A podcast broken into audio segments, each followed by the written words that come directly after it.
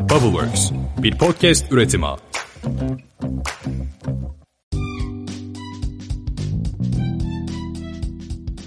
Merhabalar, Boşler'in 10. bölümüne hoş geldiniz. Ben Seha. Ben de Atakan. Evet, bu hafta e, çok sevdiğim bir konuğumuz var. Growth Hacking Türkiye deyince aklımıza gelen İlk isim. ilk isim Muhammed Tüfek yapan konuğumuz. Abi hoş geldin. Hoş bulduk. Selamlar. Selam, hoş geldin. Nasıl gidiyor? Güzel her şey. Siz sormalı. Ya bizim de ilk podcast e, konuk olduğum programımız değil mi? Evet aynen öyle. Bizim de şey gibi oldu. E, 10. bölüm, e, özel bölümü gibi. Evet. Tam 10. Biz de daha ilk başlarken şey diye konuşuyoruz zaten. Şöyle 10. 15. böyle 20. bölümlere falan böyle güzel konuklar denk getirebilirsek çok tatlı olur diye. Ee, çok sağ ol kırmadın. Çok teşekkür ederim. Geldin bizi burada onurlandırdın. Şereflendirdin. Davetiniz için ben Ee, teşekkür ne ederim. demek, Ee, bizim Muhammed abiyle olan tanışıklığımızdan istersen bir çok kısaca sen Ben bir bahset. bahsedeyim, aynen. Ee, ondan sonra da birkaç tane bir dizi sorularımız olacak. Oradan devam edelim. Ya bu işte girişimcilikle ilgili bazı araştırmalar gerçekleştirirken growth hacking diye bir terim e, karşıma çıktı ama yani bu terimle ilgili hiç böyle Türkçe kaynak olabileceği aklıma gelmiyor. Hep böyle işte e, Growth Hackers'ın kurucusu Signalis falan onların yazılarını okuyordum. Durmadan bakın. Bir gün YouTube'da e, Growth Hacking'e başlangıç sesli e, kitabı denk geldi. Onu bir dinledim. Hayran kaldım. Ekran görüntülerini alıyordum. Onları tekrar okuyordum, yazıyordum falan. Sonra baktım Muhammed Tüfek yapan yazmış. Sonra onun web sitesine girdim. mail listesine abone oldum. Şu- O şey çok güzeldi. Bir aylık e, her gün mail vardı. Galiba onu yeniden mi başlatacaksınız? Öyle bir şey Ee, sanki LinkedIn'de gördüm ama. Onu değil, farklı bizim e-mail kurslarımız var. İşte dönüşüm optimizasyonu ile ilgili de, işte growth hacking'den sonra onunla ilgili de bayağı bir bilgi kirliliği var şu anda. Onun için de biz birkaç yıl önce öyle bir e-mail kursu yapmıştık zaten. Ama o şu an tabii ki yetersiz geldiğini düşünmeye başladık doğal olarak. Onu şu anda tekrar hazırlıyoruz. Yani bir buçuk yıl önce falandı galiba işte böyle her gün mail alıyordum. Son mailde de yine bir e, growth hacking taktiği maili vardı. Buraya kadar geldin. Seninle bir kahve içelim. Ben de o maili aldım hiç cevap vermedim böyle vay be ne güzelmiş falan. Sonra e, Atakan'a gösterdim. Atakan da hemen harekete geçen bir insan olduğu için hemen at, şey yap, mail at. Muhammed abiyle görüşelim. Dedim ki oğlum madem böyle bir şey var. 2-3 ay sonra söyle yani. Biz de o zaman Clocker'la ilgili yeni yeni şey yapıyoruz. Yani ilk eğitim almaya başladığı zaman da bana gelmiş diyor ki ya bak growth hacking diye bir şey var diyorum. Growth ne falan. Yani, eee, sağ olsun bu eğitimleri falan da bizim için çok güzel şey oldu. Katkısı oldu. Öyle fırsat olduğunu da duyunca e, bunu da 2 ay bile kaçırmışız dedik ki hemen Hiç sorun değil her şey zaman. yapalım. Değerlendirelim. Evet biz ufak ufak sorularımıza başlayalım abi istersen. Ee, zaten kısa kısa sorular. Ee, Muhammed Tüfek yapan kimdir diye yani kısaca bir geçmiş işte şu anda ne yapıyorsun bir özet geçersen dinleyiciler için de güzel olur. Ee, ben 2009 yılında İTÜ Tekstil Mühendisliği'nde e, üniversite eğitimine başladım. Sonrasında sektörle tanışmam çeşitli e-tohum etkinlikleriyle gerçekleşti. Sonrasında işte çeşitli şirketlerde, çeşitli pozisyonlarda görevler yaptık. Bunlar genellikle proje yönetimi ve ürün yönetimiyle ilgili olan konulardı. Bunları yaparken olayın bir tarafında işte ürünle ilgili olan kısımlar dikkatimizi çok fazla çekiyordu. Diğer taraftan da dijital marketing tabii ki ne kadar güzel bir ürün yaparsan yap eğer bunu kullanan birileri yoksa bir esprisi yok. Ve işte bunu benim söylediğim 2011-2012'li yıllar. O dönemde şey çok daha büyüktü. Dijital pazarlamacılarla ürün yöneticileri arasındaki uçurum, onların birbirlerinin diliyle olan uzaklık şu an yine birazcık daha en azından Yakınlar. 101 seviyesinde terimlerine hakimler. O benim o zaman çok dikkatimi çekmişti. Hani bir tarafta ürün var ki hani pazarlamanın aslında bir konusu bir ürün. Eskiden hani 4P 5P'de mutlaka product price, promotion geçen konuydu. Onlar böyle çok sofistike güzel şeyler çizmek istiyorlar. Diğer taraf işte sadece birkaç keyword. Hani buraya bunları yaptık Aynen. buradan bir şeyler akıyor falan modunda. Onların birleşmesi gerektiğini düşünürken işte Şahan'la ben de e, tanıştım. Onun Startup Marketing Ben diye bir demişim, vardı. Şahan dememişim. ya, ikisi de telaffuz ediliyor. Ben çok bir şey değil. Hmm, Hassas bir konu değil aslında. İşte sonrasında Paul Grahm'ın makaleleri vardı. Orada işte Startup işte Growth diye de bir makalesi vardı. Ben onu kendim için milat olarak görüyorum. Paul Graham abi zaten çoğu e, girişimci için milat olabilir ya. Kesinlikle. Şeyi de söyleyeyim e, bir web sitesi var e, makalelerini koydu. Yani web sitesini görsen 1995 yılında yapılmış gibi. Ki öyle hiç değiştirmiyor. Hiç değiştirmiyor. Ama iht- ihtiyacı da yok aslında. Yok. O essayler aslında tek başına bir kitabın verdiğinden belki de daha fazlasını net veriyor. İşte sonrasında şeyler vardı. Ee, New York'ta bir arkadaş var, onun ismini tam hatırlamıyorum. Onunla da bayağı görüştük o zaman da. İşte Growth Hacking 101'in böyle bir sunumu vardı onda. Hotmate hikayesini aslında böyle köpürtüp paylaşan e, kişi de odur. Onun böyle sunumunu falan e, incelemiştim. O zamanki işte şirketimde onun sunumunu falan yapmıştım. Hani böyle bir konular var falan diye. Öylece başladı. Sonrasında bir marketing Joe'yu kurduk. O 2015 yılına denk geliyor. Orada işte birazcık da amacımız bilgi paylaşmaktı. 2015 Ağustos'ta Growth Hacking'e başlangıcı Türkçe olarak yayınladık. İşte bir yıl sonra iki, ya da iki yıl sonra Introduction to Growth Hacking diye aynısını İngilizceye çevirip İngilizce olarak da yayınladık.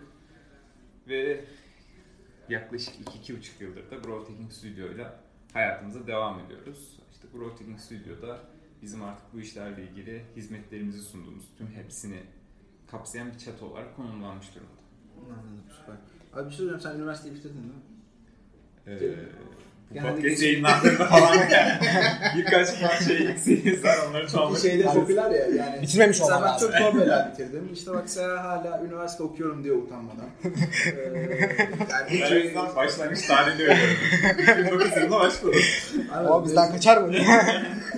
Şimdi biz de o kulvardan geçtik. Neyse tamam önemli olan niyet bu işte canım. Yani diplomanın, ben de mesela diplomayı aldım. Daha önceki bölümlerde de söylemiş olmam lazım. İşte statta dolaşırken kep töreninde diploman hazır annem diye pankart açtım. Diplomayı da verdim şimdi. Karşısında böyle kahve falan içiyoruz. Yani öyle bir şey var. Görevini Şey yerine getirdi. Tabii kesinlikle. Ee, peki abi Growth Hacking diyoruz programın başından beri. Ee, bu Growth Hacking tam olarak nedir? Siz Growth Hacking Studio'da bununla ilgili ne yapıyorsunuz? Şirketlere, startuplara sağlamış olduğunuz destekler var. Biraz bunları da açalım. Çünkü bizim her gün yeni eklenen e, dinleyicilerimiz oluyor. Girişimciliğe yeni başlayan kişiler oluyor. Onlar için güzel bir ufuk açacağını düşünüyoruz. Tabii ki ben kısaca bahsedeyim. Ya aslında bu konu sadece Türkiye'de değil dünyada da insanların e, hep böyle içinde bulunduğu bir soru. Hani growth hacking, growth hacking denip duruyor. Bu acaba gerçekten ne? İşte kimisi e, "Uf, bunu sadece bir dizi taktikten görüyor ve işte böyle çok lehim bir şey olarak böyle aşağılıyor. İşte kimisi "Bu- biz zaten bunları yapıyorduk, bu zaten var olan bir şeydi diyor. Bizim kendimizin yani şu ana kadarki beslenmiş olduğumuz kaynaklar zaten 500 startups'tan e, ortaya koymuş olduğu bazı frameworkler var. Shannon var, Paul Graham var. Bunlar aslında her biri soyut birer model. Şimdi internet girişimciliği farklı bir konu. Dijitalde büyüyor olmak daha önceki e, pazarlama konularının çok daha dışında. Hani business dünyasına baktığınız zaman pazarlamanın ve iş normal iş büyütmenin bir geçmişi var ama şu an internet girişimciliği ilgili bu geçmişe baktığınız zaman 30 yıl bile demiş olsak çok şey iddialı bir rakam olmuş olur. Dolayısıyla burada bir model oluşturulmaya ihtiyaç var. Bu modeli de dünyada bizim görmüş olduğumuz en başarılı örnekleri işte 500 Startups bunun başında. Paul Graham var, Sean var, işte Dropbox'ı başında olan kişi. Bunların ortaya attıkları belli konular var. Biz bunlarla birlikte konuyu ele aldığımız zaman hani şey değil de hani bu budur bu budur diye böyle ucuz şeyi ka- tanıma kaçmak yerine aslında ortaya çıkan şöyle bir konu oluyor. Startupların büyümesindeki problemler ve dertler offline business'lara göre daha farklı. Ve her bir startup'ın da kendi büyüme derdi daha farklı oluyor. Çünkü bir girişim ilk kurulduğu zaman işte ilk 100 müşterisine ulaşması farklı bir problem. İşte zaten halihazırda aylık 10 bin aktif user olan bir şeyin girişimin 100 bine ulaşması farklı bir şey. 1 milyonluk olan bir startup base'i, kullanıcı base'i var. Onun 2 milyon, 3 milyona yürüyor olması bambaşka problemler. Dolayısıyla biz growth hacking'i ele alırken hep böyle konuyu bir ikiye ayırıyoruz. Bir olayın diyoruz growth tarafı var, bir de hacking tarafı var. Growth tarafındaki konu aslında işte organikten nasıl trafik alırım, burayı nasıl yaparım, hani tekniklerin içerisine hemen bir girmeden önce durup ya bizim çözmemiz gereken konu ne? Hangi metriği çö- iyileştirmemiz lazım? Hangi segmentte neyi test edip neyi görmek istiyoruz? Bir buna bakmak ve büyüme ile ilgili sorunu tespit etmek diyoruz. Olayın hacking tarafı da ne yazık ki o isimden dolayı çok e, muzdaribiz. Ya ben gerçekten kullanmak istemiyorum e, hacking'i çünkü gerçekten yani şu an bu tartışmaların hepsini e, yaratan şey aslında oradaki hacking kavramı. Çünkü işte birisi çıkıyor diyor ki ben burada bir şeyler yaptım falan filan. Bir anda gelen trafiğimi 3 kat arttırdım. İşte growth mu growth diyor, hacking mi hacking diyor. Çok fazla uğraşamıyorsun ama hackingin temel esprisi şöyle. Bununla ilgili Lean Marketing'de ben zamanında bir yazı da yayınlamıştım. Aslında çok eskiye dayanıyor. Hani yazılımcılığın kökeninden gelen bir konu. Ve temeldeki konu daha az bir kaynakla bir problemi daha etkili bir çözüm bulabilmek ve bunu da teknolojinin sana sağlamış olduğu yöntemleri kullanarak e, yapabiliyor olmak. Bu ne zaman gerçek geçerli oluyor? İşte ne kadar mümkün oluyor konuları tabii ki birer soru işaretleri ya da sizin işte kendi durumunuz ya da teknik e, skill setinize göre değişen konular. Ama toplayacak olursak elimizde bir proje var. Bu aslında böyle bir bitki gibi. Belki çok küçük fide aşamasında, belki birazcık büyüdü ilk meyvesini verecek. Belki meyvelerini veriyor ama daha verimli ve- meyve vermesini istiyoruz. O işte Ve paramız yok mesela. Evet zaten kaynaklar zaten sınırlı. Ama çoğu zaman para olsa da bir şey bir şey değiştirmiyor. Yani biz bunu da e, görüyoruz, deneyimliyoruz. Yani diyorlar ki bütçemiz olsa reklam basıp kullanıcı kazanırız. Sonra işte arkadaşlar beni arıyor abi hani Olmadı. reklam veriyoruz ama kullanıcı yine gelmedi. Bu da gerçekten gerçekleşiyor. E, temel konu bundan ibaret aslında. Bir büyüme problemimiz var. Bunu çözmeye çalışmamız lazım. Bunu çözmeye çalışırken de hacking anlamını en azından işte televizyon reklam verelim, billboardları donatalım demememiz gerekiyor yani. Probleme daha etkili çözümler nasıl bulabiliriz? Aslında onun peşinden koşmamız lazım. Mesela burada viral yöntemler falan biraz bunun içerisine Giriyor Giriyor, tabii ki. Aynen öyle. Evet. Peki siz Growth Hacking Studio'da nasıl işbirlikleri yapıyorsunuz? Nasıl destekler sunuyorsunuz? Aslında biz Growth Hacking Studio'yu şu şekilde konumlandırdık. Ee, Data temelli olarak büyüme projeleri üzerine çalışan bir yapımız var.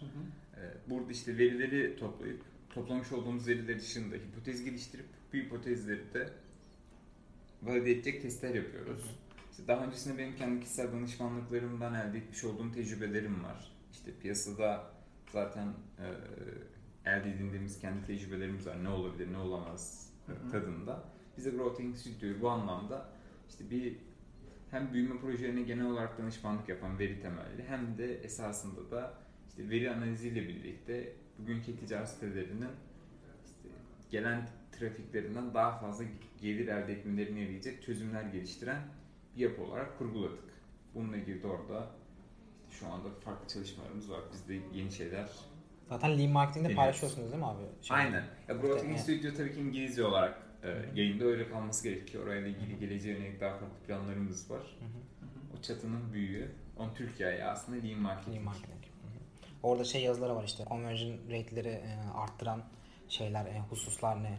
Müşteri satın almaya geldiği zaman orada nasıl bir psikolojiyle geliyor? Yani o kısımlar benim çok dikkatimi çekiyor yani. Yani orada butonun renginden de şey fark ediyor. Oradaki sunulan değer önerisi de çok fark ediyor. Muhammed abiler de onunla e, hipotez üretip Test buradaki şu data ile ilgili durumlardan yani hep bahsettiğim şeylerde şunu görüyorum. İşte bir data var elimizde kullanıcı ile ilgili ya da işte müşteri neyse ilgili. Ee, bunu akıllı bir şekilde işleyip e, geleneksel yöntemleri yalnızca onları kullanmadan diyelim.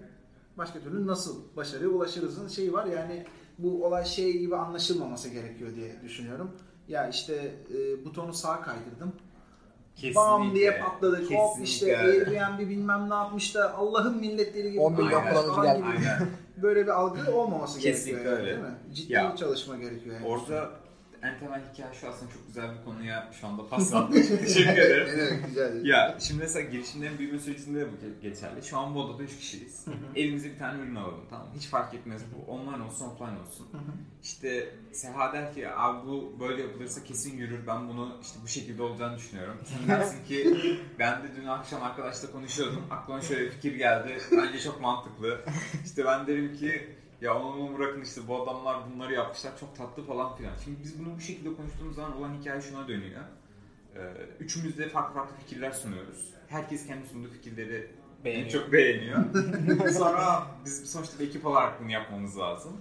Orada öncelikleri belirlerken eğer evensak, hepimiz eşitsek, bir startupsak büyük çoğunluğunda belli bir süre birbirimize sabredip onun sonunda kavga ederek bitiriyoruz süreci. Eğer bir şirketteysek yani bir şey varsa o zaman da işte en fazla maaş alan kimse odadaki o işte o müdür, işte direktör vesaire falan filan. O diyor ki yok ya diyor ben diyor işte dün gece diyor düşündüm diyor. Bu olsun diyor bunu yapalım diyor. Tak yapılıp geç diyor. Şimdi bizim data... Aynen. olduruyor. Data temelli dememizdeki hikaye şu. Bir de mesela bunu şu an ben tek bir örnek üzerinde verdim. Bir de bunu bir tık yukarı çıkartıp da büyümek için ne yapmamız lazım dediğiniz zaman o zaman şey çok kopuyor. Biri diyor ki ekranlarda problemler var. Öbürü diyor ki kullanıcı gelmedi zaten. Öbürü başka bir şey diyor. Yani dataya da böyle çok sihirli bir şeymiş gibi yaklaşmamak lazım. Data bize aslında sadece bir böyle bir noktada kalıp en azından çözmeye çalıştığımız problemle ilgili yol almamızı sağlıyor. Yani diyoruz ki funnel datasına baktığınız zaman zaten funnel datası kendisi tek başına sana çok büyük bir veri veren bir şey değil. Gelen kullanıcıların %25'i buradan terk etti.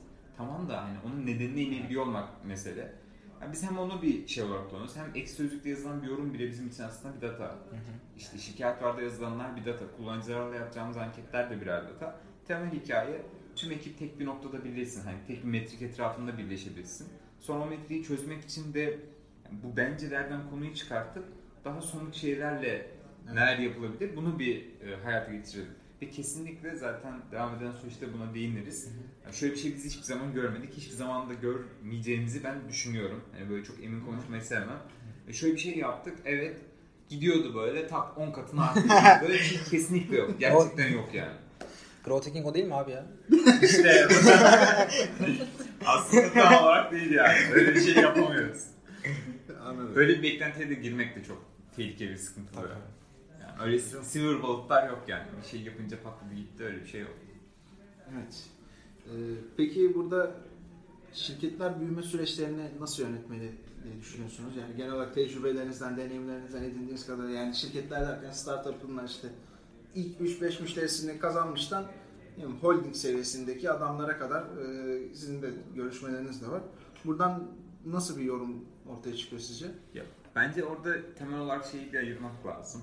Ee, şirketlerle yani zaten offline'da varlığı olan ya da offline'a daha yakın bir business modeliyle hareket eden bir yapının dijital büyüme süreciyle startup'ın kendisinin büyüme sürecini birbirinden ayırmak daha iyi olabilir. Çünkü burada temeldeki araya girecek olan fark product dediğimiz şey. İşte bir e-ticaret sitesindeki product e-ticaret sitesinin kendisi artı sattığı ürün ama işte bir kullanmış olduğumuz mobil uygulama ya da işte ne bileyim bir SaaS ürün dediğimiz zaman oradaki product zaten deneyimin kendisi. Product'ın kendisi oluyor. İkisini ayırmakta fayda var. Benim startuplarla ilgili e, en çok söylediğim konu e, zaten aslında diğer taraf için de geçerli ama startuplarda şöyle. Startupta artık bugün şey deme şansı yok. Ya ben startup'ın yazılımcısıyım, tasarımcısıyım, productçısıyım ya da ne bileyim işte contentçisiyim vesaire vesaire. Şimdi bu saymış olduğum herkesin temel olarak Google Analytics başta olmak üzere belli data tool'larına erişme imkanı olması gerekiyor. O erişimden belli verileri çıkartabiliyor olması gerekiyor. Ve benim mesela eğitimlerde söylemiş olduğum bir test var startuplara.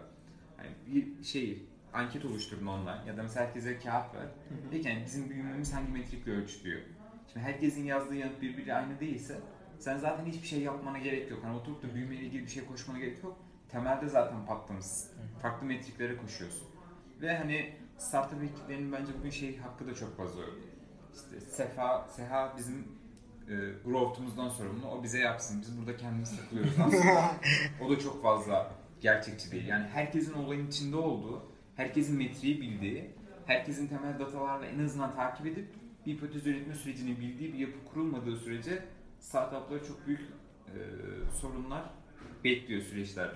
Şimdi şirket tarafına baktığımız zaman tabii ki şirket tarafı çok büyük operasyonlar genellikle yürürken bir yandan bunlar yapılmaya çalışılıyor.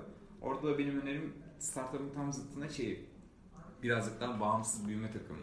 Yani bunun için bir yatırım yapılıp en azından birkaç kişiden oluşan temel yetenekleri olan bir büyüme ekibinin kurulup bu büyüme ekibinin kendi kararlarını kendisinin verdiği, kendisinin daha dinamik olarak hareket ettiği bir e, ortamda çalışmanın yürütülmesi gerekiyor. Şirket içinde mi dışında mı? Şirket içinde oluyor olması her zaman bir tık daha o Biraz şirket kurum için avantajlı olur. ya da creative Gibi. gibi bir şeyden Aynen. bahsediyoruz değil mi burada?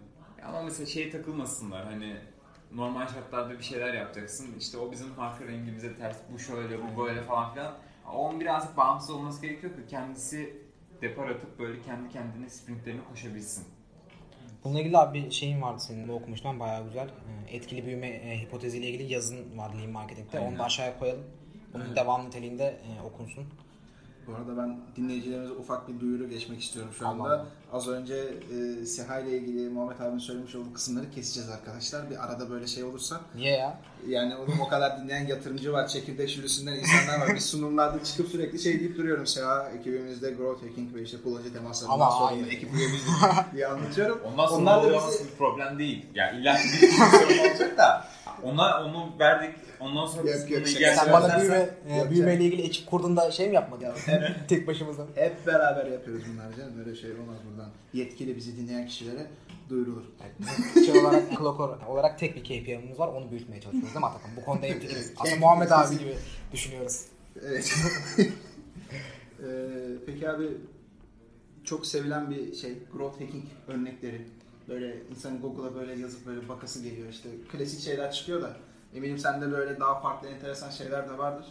Ee, ya da böyle hoşuna giden bir iki tane örnek verirsen güzel olur diye düşünüyorum. Tabii ki. Ee, Ben burada ilk olarak şey söyleyeyim. Growth Hacking örnekleri arayan kişinin içinde bulunacağı potansiyel tehlikeli durumdan bahsedeyim. Kesinlikle evet. Ya o büyük ihtimalle şunu arıyor. Bizde de bununla Mucize ilgili arıyor. bir şey blog post var. Hani orada da açıklıyor. Bunlar örnek ama öyle örnek değil. Yani Ya- senin dışındaki bir örnek değil. Hobi diyebiliriz ya buna. Onlara bakmak hobimiz olsun. Yani şöyle fikir vermek açısından güzel olabilir ama şu şekilde bir şey girmek yanlış. İşte e, burada bir sayfa var. Bu sayfayı böyle değil de böyle yap- yapmak böyle sonuçlar getirir dediğin zaman ve sen bunu aradığın zaman bir sendeki büyüme sorunuyla o ilgili mi değil mi bilmiyorsun. İkincisi bugün en basit taktik bile hani SEO ile ilgili üreten taktikler bile işte content'in dili, kullanıcının aradığı durum, mobil araması, desktop araması, var olan rakiplere göre bile değişiyor ki büyüme ile ilgili böyle bir taktiği havadan yakalayıp tutmaya çalışıyor olmak çok e, şey oluyor, e, komik oluyor. Hani bunun formülü bu kadar basit olamaz. Hani olmuş olsa zaten Olsaydı biz Bu- iş üstünde bu kadar emek harcamazdık hani yani. Bunlar bu kadar yazılıp çizilmezdi zaten. Şimdi ben mesela örnek olarak genellikle şunu anlatıyorum. Çok detayını bildiğim için bunu ve paylaşabildiğim için bunu anlatıyorum. Mesela Twitter'ın çok güzel bir örneği var değil mi? İşte çıkar genellikle o da growth örnekler arasında. İnsanlar geliyordu, işte boş bir Twitter'la karşılaşıyorlardı. Terk edip gidiyorlardı. İşte buraya bir bu kişileri takip et ekranı eklendi. Aslında bir onboarding adım eklendi. İşte bir anda aktif user sayısı artmaya başladı. Aslında bir startup'ın aktif user sayısının artması kaderinin değiştiği o an yani. Hayat öpücüğünü aldığı o an. Şimdi mesela orada biz bunu anlatıyoruz. Çünkü şundan da anlatıyoruz. Normalde bunu dışarıda baktığın zaman bir dış göz olarak şöyle oluyor. İşte Twitter böyleydi. Sonra bir anda geldiler, bunu koydular ve böyle oldu. Mucize. Bu İnanılmaz. güzel, aynen yani. Harika. Bir gecede bunu eklediler ve tık bitti gibi oluyor. Şimdi mesela onun biz arka planda ulaşabildiğimiz kadarıyla tabii ulaştığımız zaman işte yapılan bir sürü kohort analiz var. O kohort analizler sonucunda yapılıp başarısız olan denemeler var. Onun bir çıktısı olarak o çıkmış oluyor. Şimdi bunu böyle bir bütün süreç olarak baktığın zaman çok güzel bir growth hacking örneği. Çünkü ilk başta şeye bakıyorlar. Ya biz aslında kullanıcı kazanıyoruz ama niye büyüyemiyoruz? Aktif kullanıcı sayısında bir hata var. Sonra aktif kullanıcı sayısının bir detayını çıkartıyorlar. Sorun nerede oluşuyor? Yeni gelen kullanıcının aktifleştirilmesinde oluşuyor. Sonra bu neden olabilir diye koşudan bir analiz süreci var. Analiz sürecinden sonra yapılan testler ve başarılı olunan bir sonuç var. Bu uçtan uca baktığın zaman çok güzel bir growth hacking örneği. Ama işte Airbnb, işte Craigslist'e gitti, Hotmail bunu ekledi. Çünkü sen hiçbir zaman Hotmail gibi ekle, büyüyemeyeceksin. Hotmail'in olduğu yıllarda kişisel e-posta diye bir şey Yok değil mi? Yok. Öyle bir kavram yok. İnsanlar bunun için para vermeye bile bir ölçüde hazır. Çünkü şeyden bahsediliyor. O dönem kayıt olurken 3 sayfalık form dolduruyorlarmış. Yani kredi kartı başvuru formu gibi. Bilişsel maliyetin zirvesi ya. Ya aynen hani çocukların isimlerini veriyormuş. Yani çalıştığı yeri, evi, adresi falan. Bunu böyle doldurarak alıyor o e-posta. Çünkü öyle bir hakkı yok. Şimdi bugün mesela sen startupsın sağına soluna bir şeyler ekliyorsun. E, Facebook ücretsiz her gün kullanıyoruz.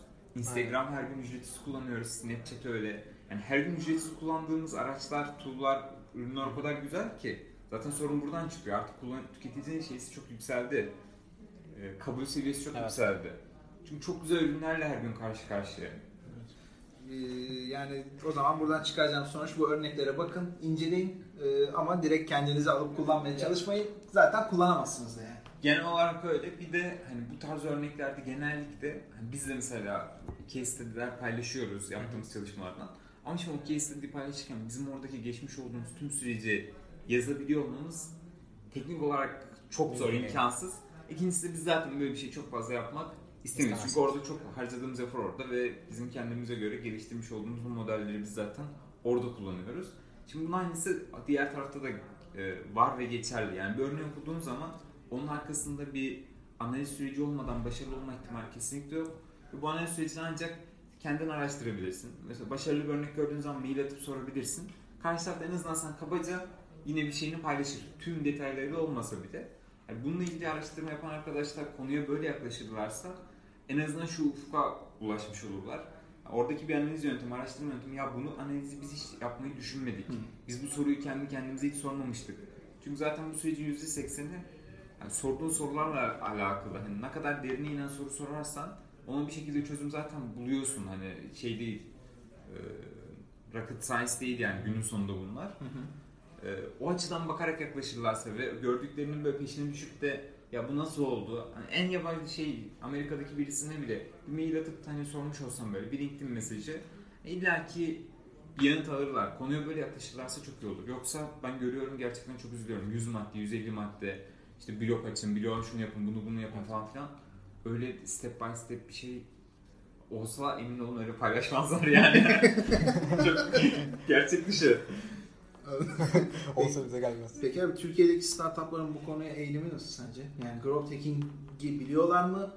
Ee, biliyorlarsa da buna böyle yeterli önemi sence veriyorlar mı? Neler yapılıyor? Türkiye'deki startuplarla dünyadaki startuplar arasındaki kıyaslama olarak nasıl görüyorsun genel durumu? Bence e, Türkiye startup konusunda, e, startup pazarında e, bilinç seviyesi olarak hem kendi içindeki bölgesinde hem de hani Amerika aslında bu konunun sonuçta baktığınız zaman ana vatanı. Yani Kesinlikle. tüm dünya zaten ihraç edenler orası. Dolayısıyla tabii ki oradaki seviyenin daha derinlerde olması, oradaki insanların bu konularla ilgili ellerinin geçmişten kalan e, deneyimlerle daha kirli olması, daha fazla bu konuyu tecrübe etmiş olmaları bir gerçek. Ama Amerika'dan sonra demiş olsalar ben tabii ki ülke ülke seviyeleri bilmiyorum. Ama hani şu an şey edebiyat yapmak çok saçma işte. Türkiye'de bilinmiyor, yapılmıyor. Aslında Türkiye'deki startuplar bu konuya Aynen. hakimler. Büyümeyle ilgili çok heyecanlılar. Büyümeyle ilgili bir şeyler yapıp araştırmak istiyorlar. Data ekipleri kuruluyor, büyüme ekipleri kuruluyor. O yüzden ben şu anda e, ekosistemle ilgili büyüme konusuna yaklaşımın e, gayet pozitif olduğunu, insanların bu konunun önemini gayet farkında olduklarını, eskiden beri farkında olduklarını, bununla ilgili de bir şeyler yapıldığını düşünüyorum. Zaten görüşmüş olduğumuz örneklerde de hani farklı farklı aşamalarda da olmuş olsa aslında koskoca şirketlerin bile bugün daha ulaşamadığı e, pratik ve algı seviyesine çok daha küçük startupların çok erken aşamalarda uğraştığını da zaten birebir de görüp deneyimliyorum. Yine tabii biraz startup bunu yapmak zorunda. Ya Yani- hayatları o yani. Yani kesinlikle. Yani bütün olayın zaten işte olabildiğince hızlı bir şekilde hareket edebilmek, e, büyüyebilmek, o büyümeyi en azından belli bir seviyede tutmak ve daha da üstüne doğru çıkartabilme üstüne kurulu olduğu için bu konuları göz ardı edersen e, kesinlikle bir sonuca ulaşamayacağın net yani. Net. Bunun üzerine bir de şunu ekleyelim. Türkiye'deki müşteri startup'ın müşterisi kolay kolay bir ürünü kabul etmiyor. Ve Evet. Türk startuplarının paraya ulaşma süreçleri e, dışarıdaki bir startup'a göre Çok zor. e, özellikle bugünümüzde çok daha zor. Dolayısıyla startuplar gayet konunun farkında ve Ellerim akıyor. yani. Evet. Google'da parasız nasıl büyürüz yazınca Growth Hacking Muhammed Tüfek Yapan'ın kitabı çıkıyor yani. Ben de aslında tam e, değindiğin konuyla ilgili bir soru soracaktım. Yani genel olarak girişimcilik sektörünün durumunu şu anda nasıl görüyorsun? İşte e, güzel yukarıya doğru çıkan ivmeler var. Ama halen daha para bulmak bir dert. İşte bu sınırlı kaynaklarla işte büyüme süreçlerini yönetmek yani bütün dünyada dert de Türkiye'de bir tık daha bir dert e, gibi durumlar var. Bunları nasıl gözlemliyorsun? Ve burada özellikle yani sürekli sorunları konuşmak istemiyoruz ayrı mesele. E, ama iyi olan bir şey de zaten iyi olduğu için bu iyi diye bunun da şey yapmanın bir anlamı yok. Amaç buradaki eksileri artıya çevirerek ekosistem olarak yolumuza devam edebilmek olması lazım. Ee, o yüzden buradaki eksileri artıya çevirme yolunda çözüm olarak e, neler önerebilirsin ya da işte tecrübelerine dayanarak neler görüyorsun? Ee, önemli bir soru olduğunu düşünüyorum bunu. Bunu ben kendi kişisel fikirlerimi paylaşayım bu konuyla ilgili. Zaten çok teknik bir konuda değil. Biraz Tabii canım Güzel kesinlikle şeyler. zaten şey. Ya serbest. bence en büyük problem şu. Biz kendimizle ilgili konularda da yani kendi geliştirdiğimiz ürünlerde de birazcık daha bunun üzerine ağırlık vermeye başlıyoruz. Bunun önemini yeni yeni kavruyoruz. Bizim Türkiye'de işte çok hızlı başlıyoruz projelere. Hızlı bir şekilde bir şeyler ortaya çıkartabiliyoruz vesaire ama sürekli olarak hep iç pazara odaklanma var. Hani hep böyle Türkiye'de bu kadar işte genç var, bu kadar işte beyaz yakalı var. Hep böyle he- hedeflediğimiz pazar, düşündüğümüz ürünler çok fazla lo- lokal. İşte İstanbul hatta hani çoğu zaman İstanbul Türkiye bile değil. İstanbul'un sadece İstanbul'a özel ürünler bile geliştiriyoruz. Bence şu an içinde bulunduğumuz en büyük problem ve işte bizim işlerimizi birkaç kat zorlaştıran şeyler bu. Bence bugün bir startup e, gerçek anlamda büyümek istiyorsa böyle bir growth machine yaratmak istiyorsa daha birinci günden birazcık böyle global olabilmenin, global olma vizyonuyla biz gerçekten İstanbul'dan, Türkiye'den bir user kazanıyoruz ama Berlin'den de bir user kazanacağız. İşte Paris'ten de bir user kazanacağız. New York'tan da bir user kazanacağız. Ya da işte Dubai'den de bir user kazanacağızı düşünüyor, buna göre plan program yapıyor, buna göre ürün geliştiriyor olması bence en kritik olan konu. Ya çünkü işte bugün dolar 6.16 falandı. Bugün şu an gelirken radyoda en son duyduğum rakam oydu. Şimdi bu podcast yayınlandığında kaç olacak Tarihe bilmiyoruz. Yani Kesinlikle aynen öyle. 6.5 olabilir, 7 olabilir. Tekrar 5.5 kesinlikle olmaz ama hadi olabilir diyelim. 5-8 falan diyelim. 5 8 6 olabilir diyelim. Yani şimdi böyle e, amansız bir farkın olduğu bir durumda hani senin e, senin için adam için bir para birimi olan şey senin için burada 6 para birimi ve bu artmaya devam ediyor şu anki görüntüye göre. E, böyle bir dünyada sadece lokal pazarla uğraşıyor olmak ki içinde bulunduğumuz bir ekonomik küçülme de zaten söz konusu. İşsizlik zaten artmış durumda vesaire.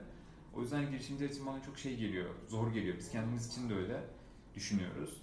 Yani birinci günden global düşünmediğin zaman hani globalde şöyle bir extension da bence değil. Benim gözlemlediğim ve bu konuda fikrini aldığım insanlar da benzer şekilde. Ya işte Türkiye'yi bir yapalım da sonra şöyle bir şey yapıp global. Aslında Yok. çok öyle değil. Yani global düşünüyor olmak çok daha farklı bir şey. Daha day one'dan birinci günden bu ürün herkese kullanılabilecek bir ürün e, yapısıyla ortaya çıkıyor olmak çok daha farklı bir şey.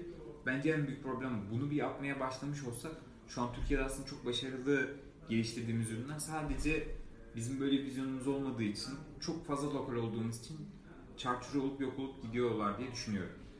Anladım. Kesinlikle. Peki siz abi yurt dışı ile ilgili ne tarz çalışmalar yapıyorsunuz? Var mı o tarz temaslarınız? Ya bizim şu anda temel şeyimiz işte vermiş olduğumuz hizmetler var. Bu hizmetlerden yola çıkarak e, oluşturduğumuz bazı ürün projelerimiz var. Biz de o hataya düştük. Hani çok sıcağı sıcağına. Benim de zihnim yapım genellikle hani Türkiye'de belli bir şeyler yapalım sonra global olalım vesaireydi. Sonrasında şu an orayı tamamen biz kesmiş olduk. Biz çeşitli araçlar e, işte şirketlere, girişimlere, dijital dünya ile ilgili sunmayı e, hedefliyoruz, planlıyoruz. Ama bunu yaparken şu anki yol haritamız daha birinci günden direkt olarak global Direkt olacak olarak. şekilde. Evet kesinlikle. Aslında burada bir e, ben iki aşamalı gibi görüyorum şu durumu. Yani yatırımı büyük ihtimal buradan gibi alıyorsun genelde. E, tohumu ve işte bir sonraki aşamayı. E, bu senin ilk çıkışını şu anki bu döviz kurları biraz zorluyor. Yani bir örnek veriyorum işte 100 bin TL alıyorsun.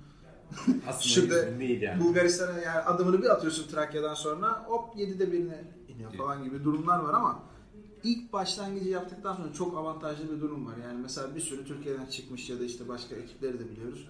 Ee, ekibin büyük kısmı özellikle teknik ekip Türkiye'de devam ediyor. İşte pazarlamayı yurt dışında götürüyor ya da işte ana kurucu ekip yine yurt dışında e, Satış ekibi döviz kazanıp bir nevi Aynen. buradaki çeşitli masraflarını TL olarak yapmış oluyorsun ve bu da aslında avantajlı bir şey sağlayabiliyor. Kesinlikle Yani o yüzden oraya doğru odaklı olmak gerçekten e, Ya çok önemli bir şey. aslına yani. bakarsan bu hani hem girişimci olarak senin açısından avantajlı bir şey hem de ülke açısından da ülkeye döviz getirmenin daha güzel bir yöntemi Kesin- yok yani. kesinlikle. Bunun hala konuşulmuyor olması beni çok şok ediyor. Çünkü hani burada tekstil üretiyorsun. Onun malzemesini bile gidip Çin'den alıyorsun. Geliyor üretiyorsun onu satıyorsun ki hani tonlarca ürünün döndüğü rakamlar çok daha anlamsız rakamlar. Yani dolar düşecekse eğer bu şekilde düşebilir. Başka Bu türlü yüzden bir de tekstili yani. bıraktım diyorsun. Evet. Anladım. O zaman sonuç Tekstil olarak örneklerini nasıl yakaladı görüyorsun değil mi? o Çok zaman ya. İnanamıyorum. ne olacak oğlum yani Konuğumuza bir şey değil durup sektör sektör böyle nedir yani? Bölümün başındaki şeyi aklımda tutup sonunda ben de saf saf dinliyorum. O zaman buradan sonuç olarak şöyle bir şey çıkartıyoruz. Buradaki notlarımızda şöyle bir şey var. Growth hacking aslında sihirli bir değnek diyemeyiz. Kesinlikle öyle. Yani aslında Yani şöyle büyümek Güzel katkı istiyorsan sağlayacak bir itici güçtür burası kesin ama mucizelerin de beklenmemesi gereken bir Gerekiyor. konu yani. ya tamamen şöyle normal bir start bugün bir şirket kuralım. Diyelim işte spor malzemeleri satacağız yine tekstil. ya işte mağazalarımız olsun B2B anlaşmalar yapalım şunu yapalım bunu yapalım mesela. Şimdi bu şirketin büyümesi için koşturmamız gereken alanlar var. Belli alanlarda başarılı olmamız lazım. Satış alanımız olacak, vitrinlerimiz olacak, tasarımımız olacak vesaire vesaire. Şimdi dijitale geçtiğin zaman bunlar daha farklı bir formatta geliyorlar. Şimdi temel sorun şu oluyor. Ben diyorum ki ya Seha zaten user acquisition'ı yapıyor. Çekiliyorum oradan. O yapsın diyorum. Ben burada buna takılıyorum falan. Growth hacking sadece diyor ki bak abi hani bunu böyle bir model etrafında yaparsan, adını koyup da bunu böyle bir framework'te yaparsan bu senin iş yapış şeklini daha doğru hale getirir. Yani şu an elimize bir ürün alalım. Diyelim ki bunun value proposition'ı ne? Kafaları yeriz. Şurada 8 saat çıkmayalım bu odadan. Daha net bir şey bulamayız. Ama onun yerine işte bir framework olup da bazı e, temel kurallar orada eklendiği zaman sefer sen çok daha sağlıklı, çok daha hızlı bir şekilde değer önlerine ulaşabiliyorsun. Dolayısıyla growth hacking gibi böyle bir kural dizisi falan gibi düşünüyor olmak çok yanlış. O sadece bir framework. Sana diyor ki bunlardan beslen, bunu yap ve bu sonucu çıkar. Bu da senin normalde içsel olarak yapacağın şeyi. Hani şey diyenler o açıdan birazcık mantık doğru söylüyor. Yani biz zaten bunu yapıyorduk diyenler doğru söylüyor. Ama onu yaparken o bunun adını koymadan yaptığı için birazcık orada bir şey var. Hani bu böyle olur. Bu hani kendi kendine dünyayı keşfediyor. Diyoruz ki Şan zaten keşfetmiş. 500 startup'ı zaten bunu yapmış. Yani burada bir şey var. Bunun adını koy ve bu süreçte yürü. Çok çalışmanın önüne kesinlikle geçmiyor. Ge- uykusuz bir sürü gece geçirmen Tabii ki. gerekiyor. İşte yüzde bir oradan, yüzde iki oradan, 10 kullanıcı buradan, 20 kullanıcı buradan. Bu süreçler böyle böyle büyüyerek anlamlı hale geliyor. Anladım. Peki hem bize ve hem de işte genel olarak dinleyicilerimize peki bu konuda çalışma yapabilmeleri için genel tavsiyelerin nedir? Ya da işte şu tool'ları kullanın, işte şu analiz yöntemlerine bakın. Genel olarak burada neler tavsiye edersin abi son olarak? Ya benim aslında şöyle birinci olarak ben bunu sürekli dile getiriyorum. Temel anlamda bir yerden veri okumayla ilgili e, bir farkındalığın oluşması lazım. Biz şimdi farklı farklı ekiplerle, farklı farklı kişilerle e, çalışıyoruz. Mesela karşımıza çıkan şöyle bir sorun var. E, işte bunun çeşitli isimleri var. Mesela biz burada diyelim ki Clocker'la ilgili bir şey konuşuyoruz. Ben Clocker'la ilgili diyorum ki daha fazla bildirim gönderelim. Seha'da bildirim gönderilmesini istemiyor. Seha giriyor diyor ki push notification işte stats yazıyor tamam mı? Oradan gidiyor buluyor buluyor. Ya kendisini destekleyecek olan bir stat buluyor. Getiriyor diyor ki yok diyor bunu gönderdiğimiz zaman böyle zararları oluyormuş. Hani data böyle bir şey değil. Yani biz fikirlerimizi desteklemek için acaba nerede ne data var bunu peşini kovalıyor olmamamız lazım. Ortada bir objektif var, metrik var, artırılması gereken bir şey. Bunu artırmanın çeşitli yöntemleri var. Ben bunu nereden nasıl daha anlamlı hale getirebilirim? Hikaye bundan ibaret. Dolayısıyla Google Analytics, mobil tarafta Firebase işte ya da kullanabilecek diğer third party araçlar. Bunlarla ilgili temel seviyede bir analiz yapabilme yetisi. Yani dimensionlara bölüp bir cohort çıkartıp bir şeyleri böyle çıkartabiliyor olma yetkisi bence çok önemli bir yetkinlik. Bununla birlikte ben şunu çok öneriyorum. Zaman zaman tüm bilgisayar vesaire kapatıp bir, bir saat, bir buçuk saat yani bu işin tamamen soyut kısmında neler olup bitiyor? Büyüme modeli ne? Hangi katmanlardan geçerek oluyor? Neresi gerçekten büyük sorun? Onu çok fazla düşünmelerini öneriyorum. Burada Intel'den mesela bir anekdot var. Intel aslında bugünkü gibi işlemci olan bir firma değil ilk çıktığında. RAM üzerine çalışan bir firma. Bununla ilgili benim kendi kişisel bloğumda da bir yazısı vardı. RAM ile ilgili çalışma yaparken arkadan bir rakip geliyor ve Intel'i bayağı büyük ölçüde sıkıştırıyor. Umarım RAM detayını doğru hatırlıyorumdur. Ama Yazıda çok okumuştun kötü. abi öyle doğru oturuyorsun. RAM zaman. Sen onu bırakır aşağı. Sonrasında şöyle bir konuşma geçiyor Intel'in yönetim kurulu odasında, işte genel müdürlüğün odasında. Ya biz bugün bu işe başlıyorsaydık, Intel'i bugün kuruyor olmuş olsaydık ne yapardık? Şimdi mesela o soru aslında tüm her şeyi değiştiriyor. Çünkü orada batık maliyetinden kurtuluyorsun. Bu süreçte işlemciye giriyorlar ve tekrar dünya devi oluyorlar. Ve şu anda da zaten ağırlığını hepimiz biliyoruz, güçlerini hepimiz biliyoruz. Yani işte bu tip konular bence çok önemli. Hani ufak bir detaya takılıp hani organikten 5 tane 10 tane daha fazla trafik alacağım diye deli gibi sağdan soldan taktik kopyala tabii ki. Zaten bu süreç bu şekilde ilerleyecek bir noktada da bazen de bir oturup düşün hani bu getirdiğim kullanıcı acaba kim? Ya bunu arıyor da ben bunu getirdim de bu gerçekten benim kullanıcım mı? Yani bu bence çok önemli bir şey. Yani zamanı böyle bölerken böyle distraction olmadığı, stratejinin düşünüldüğü, ne yaptığını düşünüldüğü büyük zamanlar ayırmakta bence çok büyük faydalar var. Çünkü büyük aydınlanmalar oradan gelecektir diye düşünüyorum.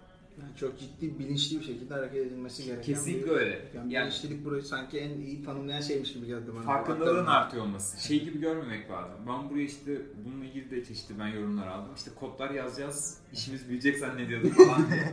Hani bu şey işi değil. Sen işte oraya bunu koydun, buraya sosyal medyada bunu paylaştım. Şunlara 4-5 tane spam yorum yazdım. Buraya spam e-mail attım. Tamam hadi artık bu büyüsün işi değil. Burada bir kullanıcı segmenti var. Bu insanlar çeşitli yerlerde bulunuyorlar. Bunların bir derdi var ya da olduğunu düşünüyoruz. O da bir problem olabilir. Sonrasında bizim bir ürünümüz var. Biz bunların hepsini nasıl bir araya getireceğiz? Zaten tüm dijital sende. Yani dünyada hiçbir zaman olmadığı kadar kolay bir şekilde iletişim kurabiliyorsun yani. Bu matematikten çıkıldığı anda işler çok kötü oluyor. Evet. Güzel oldu ya. Ben Bence de gayet güzel verimli olduğunu düşünüyorum. hem konu çok güzeldi. Hem Muhammed abi çok güzel anlattı ya vallahi yine. Helal olsun. Rica ederim. Benim de ilk podcast deneyimimi böylece gerçekleştirmiş olduk. Biz de bu konuda senin bir ilkin olmaktan dolayı ayrıca mutlu olduk. Estağfurullah. Ee, tamam, tamam. eklemek istediğin başka şeyler varsa onları ekleyebilirsin. Bir de e, dinleyicilerimiz senin e, hangi kanallarını takip etsinler bu konulara daha ayrıntılı ulaşmak isterlerse senin know-how'undan e, güzel bir şekilde faydalanabilmek adına e, bir istersen bilgilerini de ver işte web sitesi ya da işte neleri takip etsinler üstüne. İlk olarak bu podcast'i takip etmeye devam etsinler. Öyle başlayayım. Benimle ilgili ben genellikle paylaşımlarımı LinkedIn ya da e, Twitter üzerinden yapıyorum. Bununla birlikte eğer hani bu konularla ilgili insanlarsa yani Lean Marketing'deki e-mail listesine subscribe olmalarını ben öneriyorum. Ben de öneriyorum. Çok teşekkürler. Genel olarak oradayım. o eğer oraya dahil olurlarsa biz zaten orada bir kendi aramızda orada bir iletişimimiz var. Orada bir community var zaten. Aynen. Şey. En önemli sosyal ağ aslında. Orada biz belli bir tatla takılıyoruz. Onlar da bize katılabilirler yani. Abi sana bir şey soracağım. Geçen 2-3 ayda böyle mailleşmiyorduk galiba. Tam şey yapmıyorum. Geçen sana Aynen. bir mail attım ya. Sana mail attıktan bir dakika sonra bana otomatik mail geldi. Niye geldi o? Nasıl? Hangi otomatik? Vallahi bak bir şey oldu. Yani orada dedim ya Muhammed abi yine yapmış bir şey. Yok o kadar bir şey yine, yapmadık. yine etkileyici bir şey yapmış. İnanılmaz ya. Sana mail attım bir dakika sonra şey geldi Şey ya. falan diyoruz. Sevgilisi ha nerelerdeydin? Her şey hazırlıklı. Ben de tam sanatları yazıyordum falan. Yok öyle çok özel bir şey yapmadık. Tamam şeyden sonra Ama gösteririz. fena bir kurgu değil Çok- yani. çok fena bir şey. Şöyle bir Vay API falan varsa şey yapın yani Mailchimp'te falan bir özellik var mı ama. Evet bizim abi her bölümün sonunda bir tane bir şeyimiz var. Artık geleneksel bir durumumuz var. Girişimcilik nedir'i tanımlayan bir e, sözümüz var. Burada önceden de program için konuşmuştuk seninle bir iki bir şey. İstersen oradan istersen programda aklına gelen bir şeyler varsa şöyle bir şey de yazı bir posta yazabileceğimiz ebatta bir şey söylersen. O çok hazırlıksız olmadım ya. Öncen biraz şey yapmıştık ya. Olsun olacak vaktimiz var. Yani. Bekliyoruz. Zor olsa da denemeye değer diyorum ben. E, Girişimcilik kolay bir şey değil. Ee, ama kesinlikle de kendi sevdiğiniz, gerçekten güçlü olabileceğiniz, fark yaratabileceğiniz bir şeyi yapmak varken de bambaşka anlamsız bir noktada zaman dolduruyor olmak da Kesinlikle. kıyaslanamayacak bir şey yani. İşin keyfi orada yani. Aynen öyle. Ben bunu bir şey olarak bakıyorum. İşte kelimeler çok overused olduğu için birazcık anlamını yitiriyor hepsi. İşte başarı, girişimcilik mesela anlamını yitirmiş bir kelime artık. Evet. Ama hani temelde insanın kendi içinde bir yolculuğu var. Bu yolculuk hani bizim eğitimlerde söylediğimiz growth, Hı hı. öğrenmeyle ölçülen bir şey diyoruz. Aslında insanın da kendi hayatındaki yaptığı yatırımlar, ayırdığı zamanın çıktısı ona dönen bir öğrenme olarak çıkıyor. Yani ben kendim kişisel olarak bir şeyleri yapmadan çok fazla öğrenemiyorum. Okumayı çok seviyorum, dinlemeyi seviyorum. Ama yaparak öğrendiğimin bendeki yeri ayrı. Ben girişimciye birazcık da bu açıdan yaklaşıyorum. Anladım süper. Sonunda da böyle çok güzel böyle duygusal bir şey oldu, hava oldu. Ben konuşamayacağım daha şey. Hakikaten çok güzeldi. Var mı eklemek istediğin bir şey? Eklemek istediğim inşallah yani şey olmuş. Bu bölüm bilgi açısından da çok iyiydi. Hem girişimciler growth hacking nedir öğrenmiş oldu. Hem de e, iş yapan şirketler ya da e, büyümeye başlayan şirketlerin iş yapış e, şekli değişmiştir. Muhammed abiler de çok sever onu. Yani Growth Hacking İstanbul'da da o şey vardı. İnsanların iş yapış şeklini değiştirmek inşallah biz de destek olmuşuzdur. İnşallah. Bizi 10 programları dinleyen arkadaşlar biliyorlar ki biz böyle boş boş konuları konuşuyoruz. Genel olarak toplumun nezdinde bunları çıkıp şöyle bir sokakta anlattığımız zaman aldığımız tepki o yönde oluyor. Ama biz aslında neyle uğraştığımızı, neyle uğraşmamamız gerektiğini e, iyi kötü bildiğimizi ve her geçen gün bunu öğrendiğimizi düşünüyoruz. E, ufak bir şey yapalım biz de ekleme yapalım. Diyoruz ki boş işlerle uğraşma kimseye fayda etmez. Programı Bitiriyoruz. bitiriyoruz. Boş İşler'in 10. bölümünü dinlediniz. Bizi dinlediğiniz için çok teşekkür ederiz. Haftaya görüşmek üzere. Muhammed abi, teşekkür Arkadaşlar ederiz. tekrar teşekkür ederiz. Boş işlerle uğraşma kimseye fayda